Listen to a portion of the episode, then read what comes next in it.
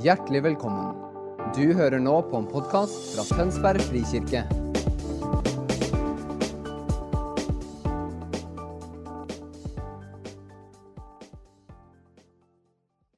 Vi bryter det ned i ulike kulturer. En profetisk kultur, en hederskultur eller godhets kultur. Ja, så er det bare for å ta fatt i deler av det som er sagt til Jesus. Og så har man kalt oss til å leve i og leve ut, sånn at han fortsatt kan gjøre det han vil i verden. Og hvorfor han valgte å begrense seg til kirka, det har jeg lurt på mange ganger. Noen av oss kan tenke at det var en dårlig strategi.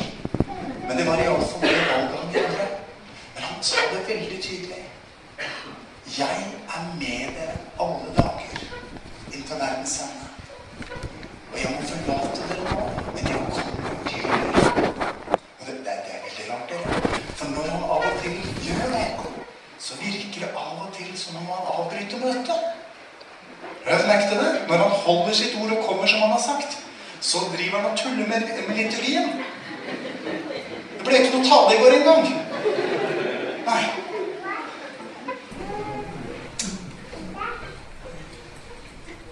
Og jeg gleder meg dere, over at vi nå som menighet trer inn i en, en type virkelighet som er vår felles erfaring. Hvor det at han kommer og har regien, ikke blir det ekstraordinære, men det vi forventer. Fordi når han får sin vei i våre hjerter og tanker og sinn, så forløser han den virkeligheten som er himmelens virkelighet. Himmelens verdisett og himmelens muligheter imellom oss. På en sånn måte at Tønsberg frikirke blir et sted hvor mennesker finner Gud og seg selv og blir satt i stand og blir gjort hel. Og dere, det er visjonen som Jan Helge fikk ta imot fra Gud i 97. Et sted som overøses av kjærlighet. Overstrømmes av kjærlighet. Til Gud først, og dernest til hverandre. Og at disse tingene henger sammen. Og for at ikke dette bare skal være fluffy visjonsord, så skal vi ta en tur innom i Guds for å se at dette er gyldig. Ja, bli med meg til andre Korinterbrev, kapittel 3. For meg så er det sånn at det sant åndelige alltid er genuint menneskelig. Og det genuint menneskelige har alltid noe sant åndelig ved seg. Det er når Kirken skiller disse to, at det blir usunnhet. Når vi tviholder på det som bare er menneskelig, så ender vi i ritualer og rutiner og kanskje det noen kaller religiøsitet. Når vi insisterer på rendyrket åndelig, så ender vi i svermeri og føleri og tulltøys. Jesus er sann Gud og sann menneske. Og han valgte å bli en del av sitt skaperverk for å frelse det og forløse det, for å bringe oss inn i det som var hans opprinnelige plan og hensikt da han ga oss livet.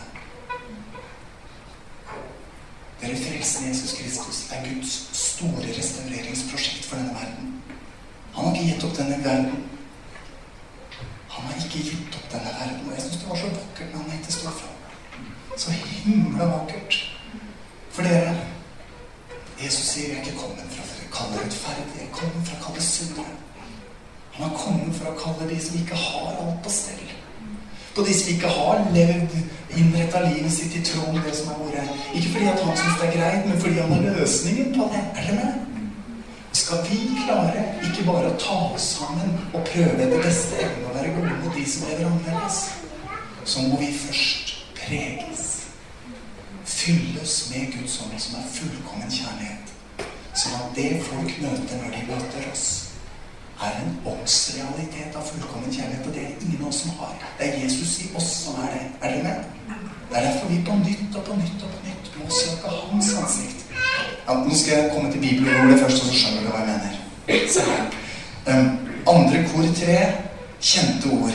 Herren, det er ånden. Og hvor ånden er, der er frihet. Og vi som uten slør for ansiktet ser Herrens herlighet som et speil. Vi blir forvandla til dette bildet, fra herlighet til herlighet, og det skjer ved Herrens hånd. Dere, det er en forventning av en sånn åndelig berøring som vi erfarte i går. Er dere med meg? I går fikk vi lov til å stå som fellesskap ansikt til ansikt med Gud. Og så erfarte dere det veldig ulikt. Cirka like ulikt som vi er antall mennesker i rommet. Men det var vår felles erfaring at noe skjedde i rommet. Er dere med? Hvordan vi oppfatta det, er ikke så viktig, det. Det viktige er at vi oppfatta det.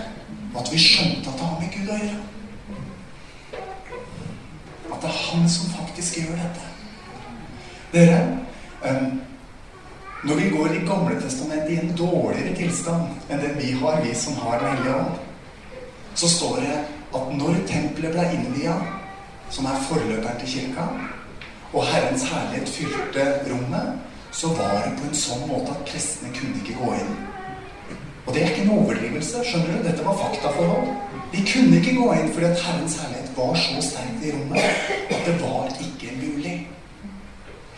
Da skal ikke vi overraskes når Han kommer sånn som Han gjorde i går. Og beveger oss på en sånn måte at noe blir annerledes. En ny dimensjon tilføres i rommet. Ole Jakob, som egentlig er en ganske sånn beskjeden og forsiktig voksen kar, han står her med all pompøsitet og representerer og blir en kroppsgjøring i pappa Guds kjærlighet til oss. Skjønner dere? Det er ikke hans valg, altså. Jeg kjenner ham. Men når Helligånden kommer på ham, så skjer det. Og dere, jo mer Helligånd får lov til å komme på deg, sånn som du er, jo mer får han vinne skikkelse i deg, og dermed jo mer kan han få sin vei gjennom deg. Jo mer av den prosessen som skjer og skjer og skjer, for dette er vi aldri ferdig med Jo mer av det som skjer, jo mer av himmelens verdisett blir ditt verdisett, og dermed blir du en velduft, en kristig velduft, for å bruke Bibelens ord, eller om du vil, en representasjon av Jesus der du er. Det får ikke du og jeg til ved å ta sammen. Det kan vi love. Men når vi lar oss prege av ham, så kan vi ikke la være å lukte av ham. Er dere med? Og dere, dette er en åndelig realitet. Vi kan ikke bestemme oss for det. Det fins ikke noe pedagogisk menighetsprogram som kan bringe oss til. Det er bare når vi søker Jesus og hans ansikt og lar Hans ånd få lov til å forme oss, at dette skjer. Og i begynnelsen av samme kapittelet, første kor, andre kor i 13, så står det Hør her. For dere viser at dere er Kristi brev, blitt til ved vår tjeneste. Det er ikke skrevet med blekk, men med den levende Guds ånd. Ikke på steintavler, men i hjerter og tavler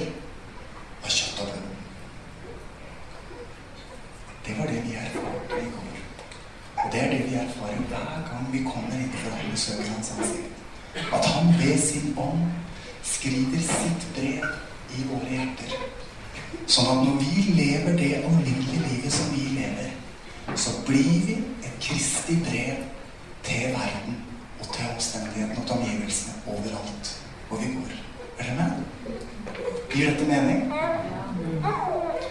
Det er derfor vi er så opptatt av å bygge disse kulturene og hjelpe hver og en av dere til å forstå hvordan kan dette lande i meg? Hvordan kan dette lande i mitt liv? Hvordan kan jeg respondere på det Gud sier til meg i sitt ord og ved sin ånd på en sånn måte ikke lenger bare lever og takker Gud for, for, for nåden og, og lever som før, men at livet mitt bit for bit for bit begynner å forvandles i retning av det Jesus har for deg og meg. Er dere med? Fordi jeg står i en sånn tradisjonell kirkesetting, luthersk setting. Luthersk arv er kjempebra. Ikke hør meg på noe annet. Men, men, hvis vi bare hører at evangeliet er til, tilgivelse for synd og nåde, så bommer vi. For det sanne evangeliet og frukten av evangeliet, dere, det erfarer vi når vi lar nåden virke omvendelse. Og det er det jeg opplever at Gud gjør i vår midt i akkurat denne sesongen. Når vi fikk tungebudskapet for et par uker siden Og Marit kommer og tyder, og hun tar av seg på beina og sier vi står på hellig grunn. Så handler det om det at Gud går oss. Hvor han alltid har nåde og tilgivelse for oss. Men han vil at livet vårt skal begynne å formes i tråd med det som er hans lengsel, hans drøm, hans håp, hans sannhet over hver av våre liv så er det ingen fordømmelse for noen av oss, uansett hvordan livet vårt ser ut. Men det er helt klart, sånn som vi hørte i fortellinga fra nettet også, at når Jesus kommer inn i livet og sier du kan få drikke, så peker han også på våre plasser og punkter som er sårbare. Ikke for å fordømme, men for å frigjøre. Det det? Så ikke vær redd hvis Helligånd begynner å pirke borti tingen som tenker å, det skulle vært annerledes, det burde vært sånn. Fordi det er Gud som i sin nåde helliggjør oss. Han lyser på noe han gjerne vil ta bort fra deg, så du skal slippe å der, det. Er denne sesongen vi er inne i nå.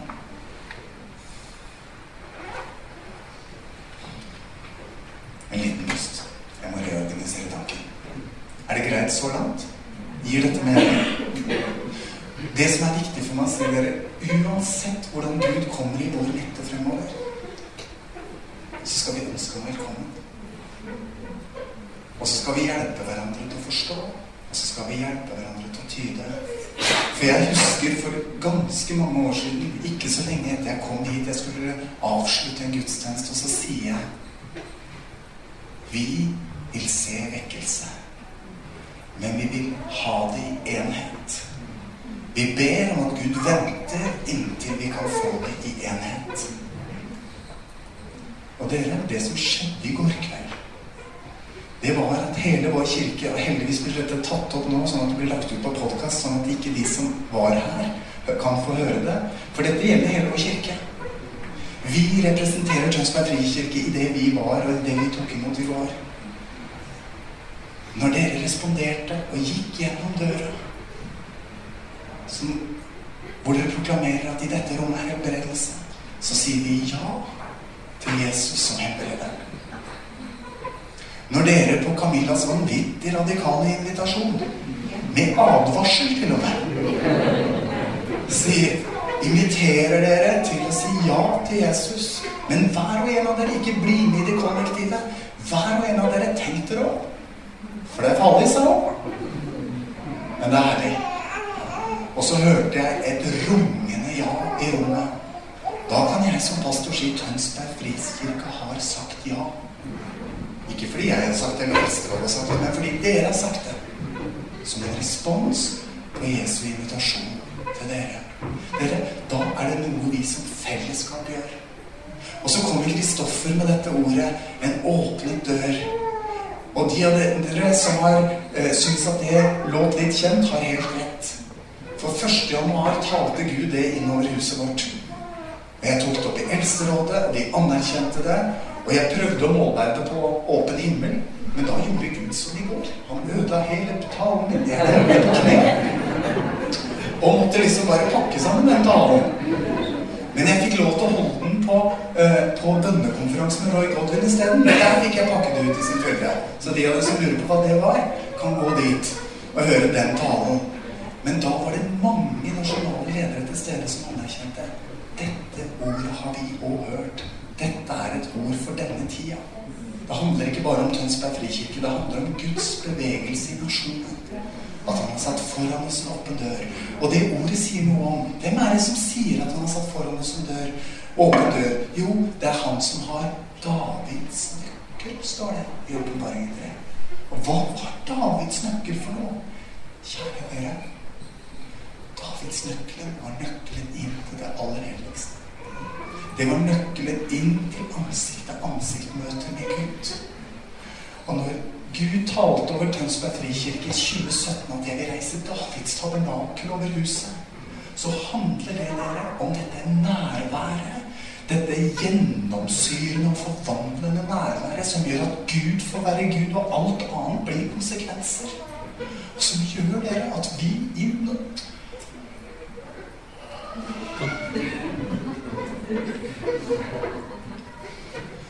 Som gjør at barna våre sitter her framme på en lørdagskveld på tur med kjerka si og blir døpt i Den hellige ånd. For tungetatere.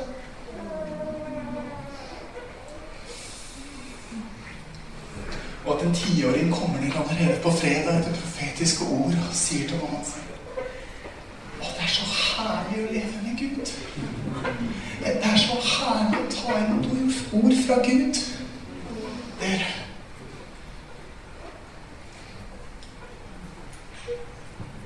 Vi lever drømmen. Vi lever visjonen. Vi lever i det Gud har talt over oss. Og det er et mønster og en sammenheng. Og alle sammen er vi inkludert. Og dere, jeg håper dere forstår det. Jeg har heller ikke summen av alle de opplevelsene og erfaringene som blir kommunisert her framme. Jeg bare en liten del av det. Av og til skulle jeg ønske jeg hadde halvparten så mye som denne dama her får. Skjønner du? Men det gjør ikke noe. For jeg vet at det hun får, det er mitt. For vi er familie. Og da er det. Og jeg har sagt til dere Jeg har alltid stått stiv som en påle, mens Jan Helge han danser jo hver gang Herren kommer. Ja, nå kan jeg ikke si det lenger, da, for forrige helg så gikk jeg gulvet, jeg også. Og ble liggende en halvtime. Hvorfor sier jeg dette? For å legge en mal, liksom? Nei, aldeles ikke. Men for å si jeg hadde verken min stolthet i at jeg har stått bestandig, eller at jeg falt i forrige uke, Så hva enn som er din vei med Herren, vær tro mot den. Ikke se på de andre. Men takk Gud for at du nå får lov til å høre til et hus og en familie og et fellesskap. Hvor alle har del i det jeg nå deler med dere. Det fins ingen av dere som er utelatt uansett hvordan dere kjenner det. Og jeg tror at noe av det som skjedde i går rundt Jakob og forbønnen der, hvor vi som menighet blir velsigna til å omfavne alt det Gud gir. Når vi kan møte alle omstendigheter, alle livsvilkår, alle livshendelser, alle skjebner, grunnfesta i den samme troen på Gud og i den samme kjærligheten til mennesket, dere, da får vi lov til å gå i himmelens kraft. Ble dette fluffy, eller skjønner dere hva jeg mener? Det er når vi omfavner mangfoldet. Og dere, dette med hederskultur jeg skal snart Nei, jeg tror jeg snart er ferdig med å liksom dra trådene nå. Uh, å klare De aller, aller fleste av oss finner trygghet i likhet. Le, like barn leker best, sier de. Og når vi velger våre relasjoner, så velger vi ofte ut ifra trygghet. Men dere, jeg har sagt mange ganger at jeg vet ikke om noe mer naturlig og overnaturlig enn et mangfoldig fellesskap av forskjellige mennesker som på tross av alt står hverandre bi sannheten, tro og kjærlighet. Det fins ikke noe mer grensesprengende. Det fins ikke noe mer attraktivt for den verden rundt oss enn et fellesskap hvor mennesker på tross av ulikhet, på tross av utfordring, på tross av alt det det er å være menneske, står i kjærlighet til hverandre. Og det er et under. Det er fullkomment kjærlighet som konstituerer det. Amen og amen. Ja. Ok. Så jeg sa til teamet når vi skulle forberede denne gudstjenesten Jeg opplever dere at vi lever i tidens. Vi er midt i Guds plan. Og når det tungebudskapet kom i går, som Ole Jakob tolka, så var det akkurat det Gud sa til oss. Dere, det var Gud som sa det til oss. Det er ikke jeg som sier det til dere, men det er Gud som sa det til oss. Jeg har så behag i dere. Dere er så på rette vei. Hele himmelen gleder seg med og over dere. Dere, vi trenger å ta dette. i hjertet. Vi trenger at dette begynner å forme identiteten vår. Vissheten vår om hvem vi er. Ok? Eh, Jeg sa til de som var i møteregimøtet før gudstjenesten at hvis det er noen perspektiver jeg nå har behandla stemoderlig, så fyll meg inn før jeg går et skritt videre. Er det dekka? Brenner hjertet med noe? Eivind? Ja, kom an. Yes! Nei, du er tørsja når du sa hvis det er noen som blir behandla stemodig eller ikke hva det betyr. Men, men mista stemmen litt. Men et av de perspektivene som Gud har eh, i hvert fall lagt på mitt hjerte og vist veldig, var det som skjedde helt i begynnelsen av gudstjenesten, eller gudstjenesten av møtet i går, eh, hvor vi fikk lov til å stå sammen. og den, dere vet, alle kjenner jo til at det er masse ja, konflikt og debatt rundt i forhold til Downs syndrom og fosterreduksjon. og Verden har en måte å tilnærme seg det på som jeg tror ikke Gud har. Eh, og det som skjer, er at når vi som fellesskap stiller oss rundt Og før det på en måte alt crazy begynte, så fikk vi som menighet stå sammen og ta imot noe av det som blir utstått i verden. Og det er det vi eksisterer som menighet for. Eh, Saleprisningene er Guds proklamasjon at når han skal utbre sitt rike, så skjer det gjennom de fattige, gjennom de utstøtte, gjennom de som ikke har en stemme. Eh, Og det som skjer, er at vi får kraft fra himmelen for å gjøre akkurat det vi gjorde i begynnelsen av gudstjenesten. For å ta vare på de fattige, for å ta vare på de utstøtte. Eh, Og så er realiteten at alle av oss har en eller annen form for fattigdom i oss. Alle av oss har ting som vi sliter med å utfordre på. Eh, Men det er noe helt spesielt når vi skal sammen får lov til å ta imot det som verden eh, støter ut.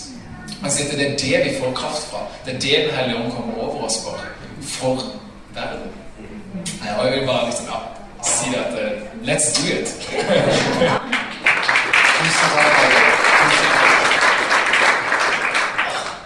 Og jeg skal stå i undervisning på eh, bibelskolen på Hemsedal en uke, og jeg gleder meg så. Fantastisk. Takk skal du ha. Da er jeg klar til å ta steget inn i litt undervisning om hederskultur. Er dere klare for det? Vi skal ikke dra det eh, langt, men, men dere skal få noen knagger, sånn at dere skjønner. Fordi det, det hederskultur handler om dere, det er nettopp å sette i system det Eivind nå sier. Å ta imot kjærlighet og bli kjærlighet for å gi kjærlighet på en sånn måte at verden finner det de trenger i vår midte.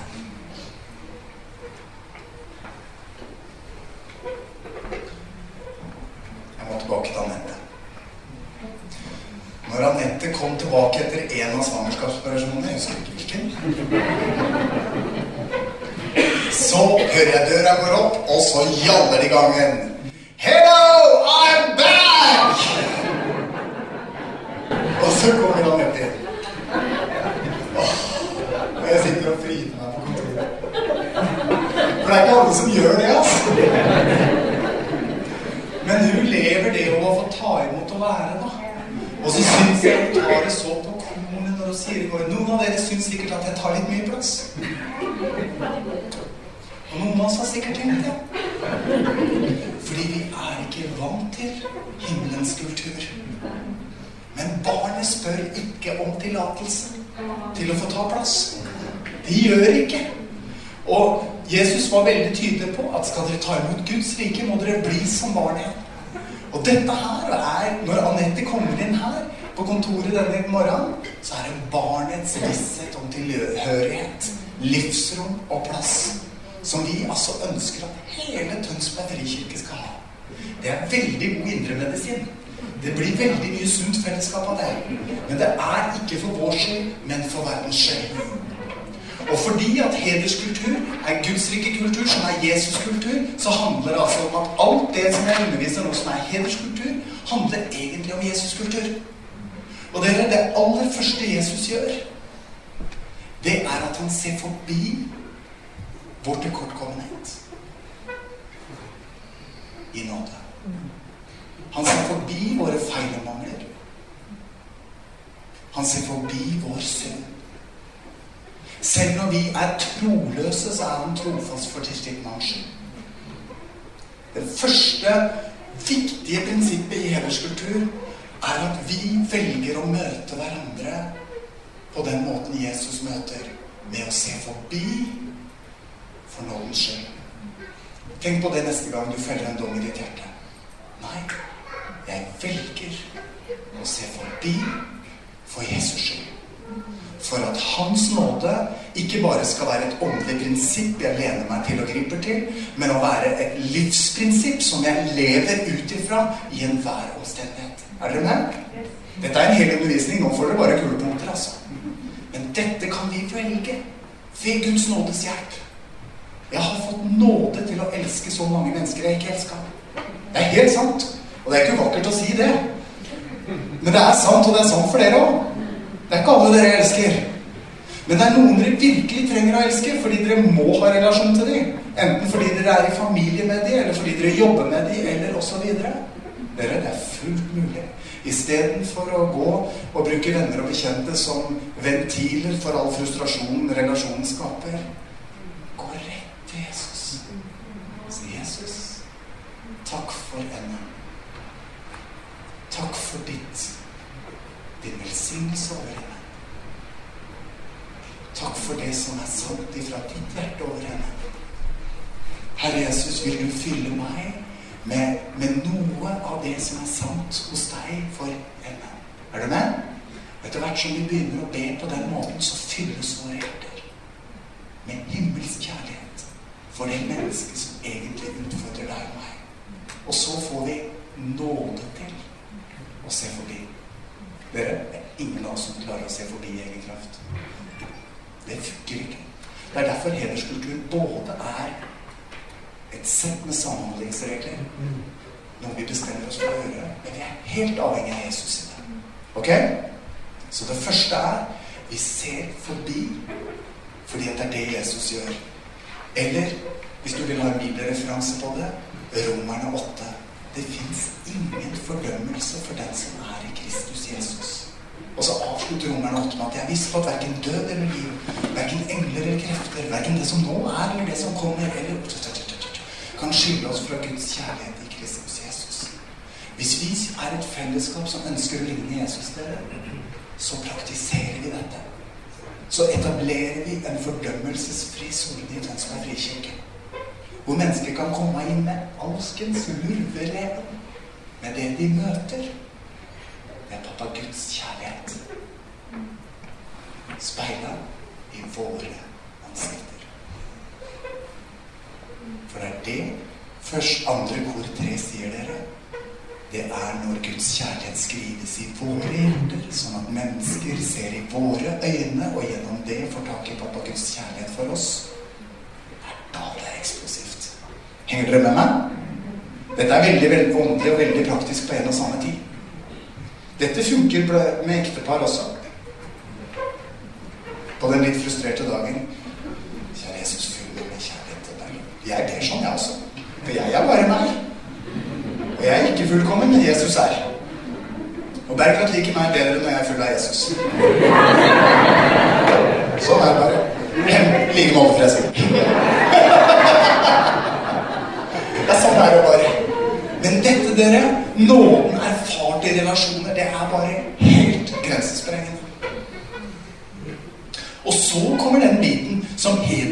liksom navnet, eh, eh, peker mot. Nettopp det at vi ikke bare ser forbi, men vi begynner, når vi har sett forbi det som burde vært annerledes, så identifiserer vi det som er av Guds gaver, Guds potensial, gode egenskaper, eller til og med kanskje profetisk. Det som enda ikke er i et menneskes liv, men som vi leder oss inn til pappa Guds hjerte og får tak på. Det som egentlig er sant om Andreas, er at taler jeg det til deg, Andreas. Og i det øyeblikket så får Gud skape ved sitt ord, for Gud skaper alltid ved sitt ord. Han har ikke endra mening. Han trenger ikke fornyelse på det området. Han skaper alltid ved ord, og han gjør det fortsatt.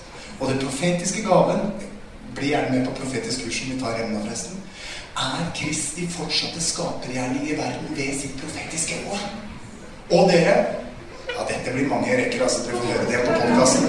Men poenget er, dere, når vi velger hederskultur, så er det egentlig profetisk ånd som er aktiv. Hvor vi ikke taler til det som vi ser i det naturlige, Men vi taler ut ifra det vi får ifra pappa Gud i møte med hverandre. Og når vi da taler det ut, så skapes det som nevnes. Noen ganger kaller vi ut det som allerede ligger der som frø. Andre ganger skapes det som ikke er. Min råeste erfaring på det har jeg delt mange ganger. Jeg gikk til profetisk betjening en gang hvor jeg hadde bestemt meg for å gjøre noe som var galt. Det er et dårlig plan, altså.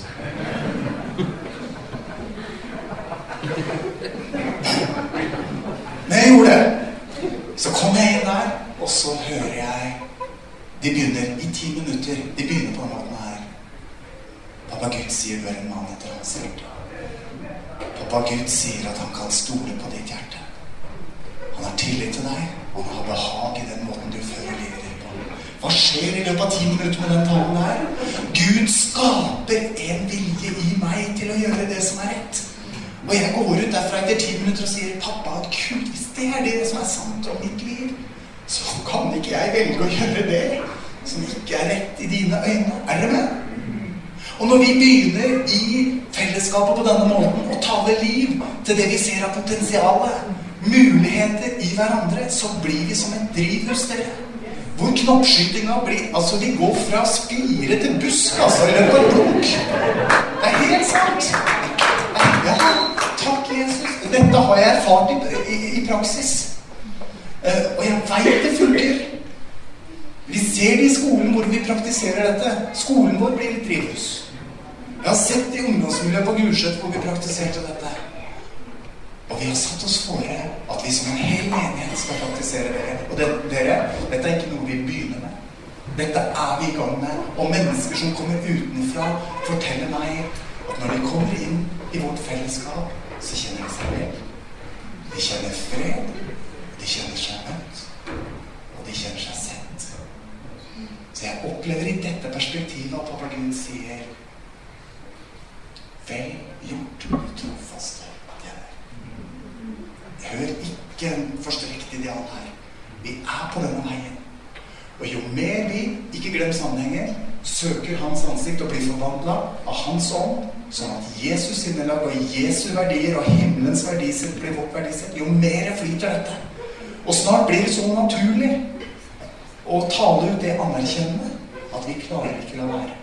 Det var min erfaring da jeg kom til Bethel. Det var liksom 15 oppmuntringsord i løpet av én gudstjeneste. Fra 15 forskjellige. Og de gikk i samme retning, så jeg begynte å tro at det var Gud. Er dere med? Det er sånn det virker når vi som fellesskap er så linka på han og hans hjerte og hans plan at vi ikke klarer å holde tilbake, men renner over av det som er godt i møte med mennesker. Så altså hedre, anerkjenne, tale ut det vi ser av profetisk karakter. Det siste punktet Nå forkorter jeg veldig, altså. Men det siste punktet, det er konfrontasjon i kjærlighet. Dere, der mer enn et menneske er på en og samme tid, vil det være utfordringer. Relasjonelle utfordringer.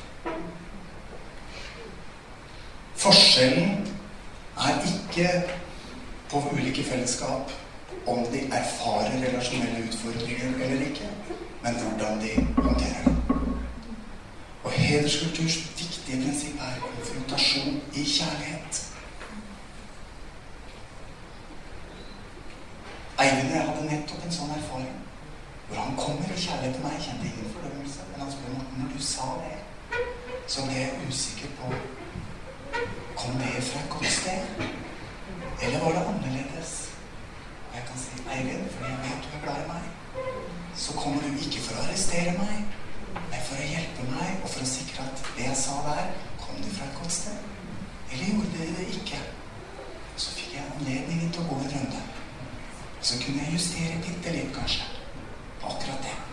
Vi har ikke pratet det ferdig, men skjønner dere? Poenget med konfrontasjon i kjærlighet, for vi trenger av og til når vi sårer hverandre, å tre ærlig fram og si til hverandre Det der gjorde vondt.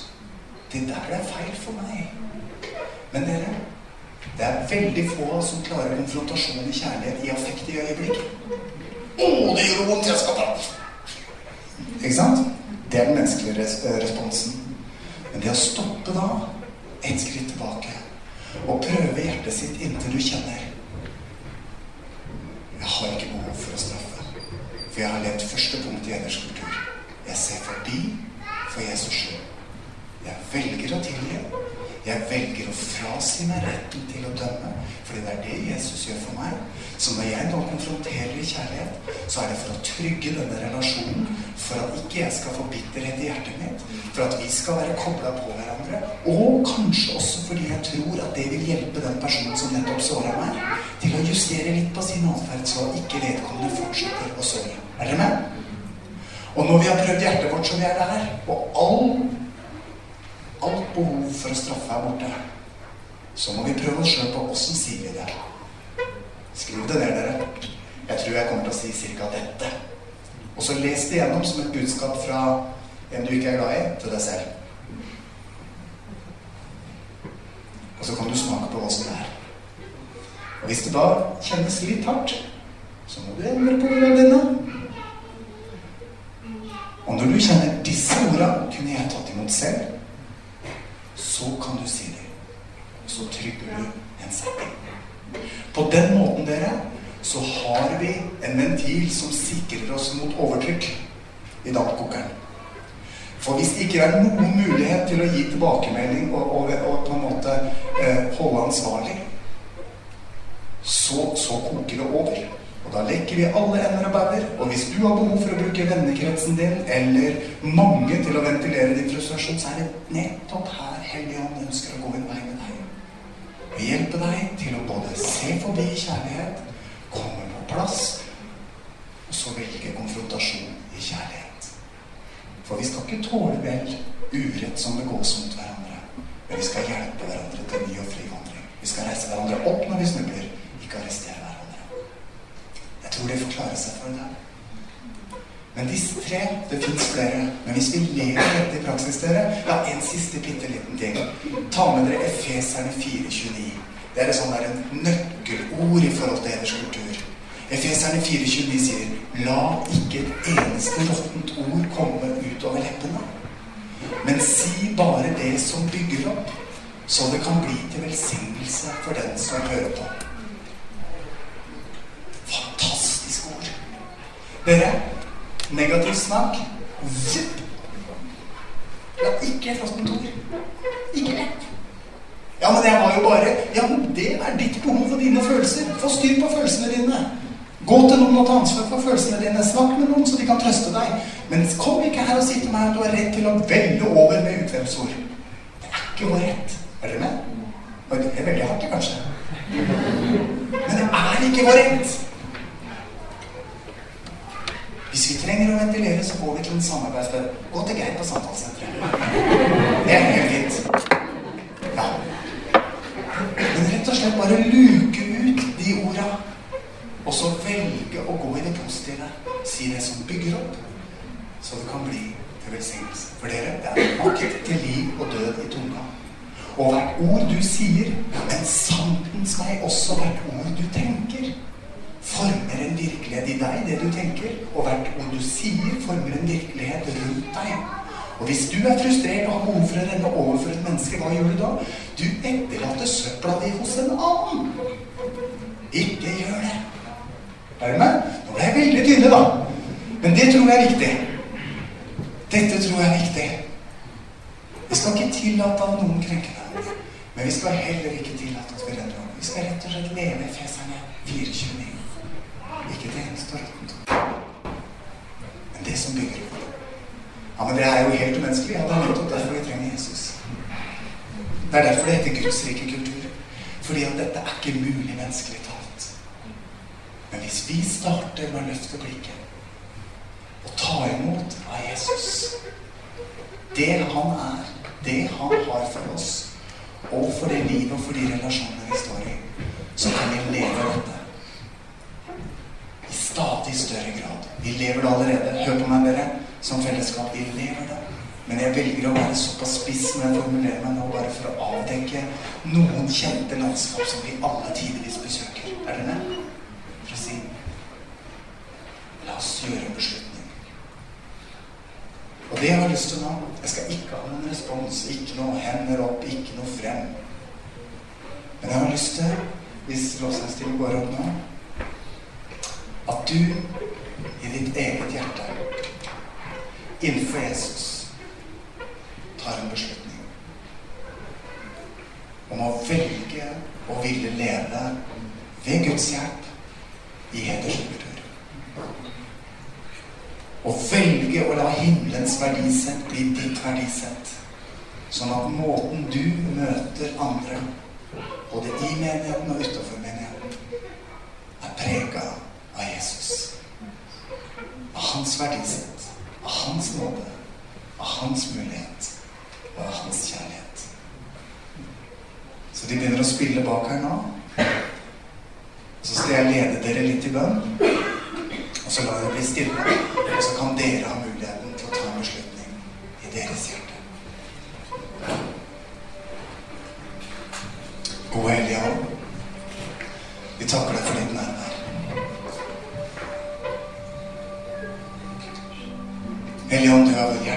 Just.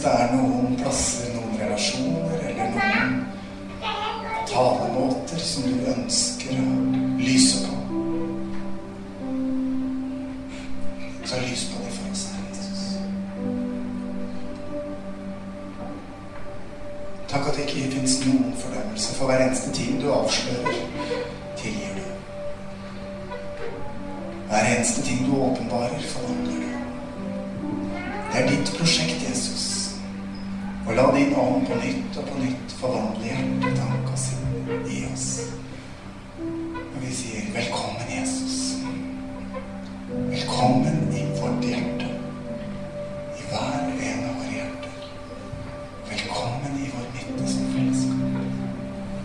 Form oss, led oss, nyskap oss.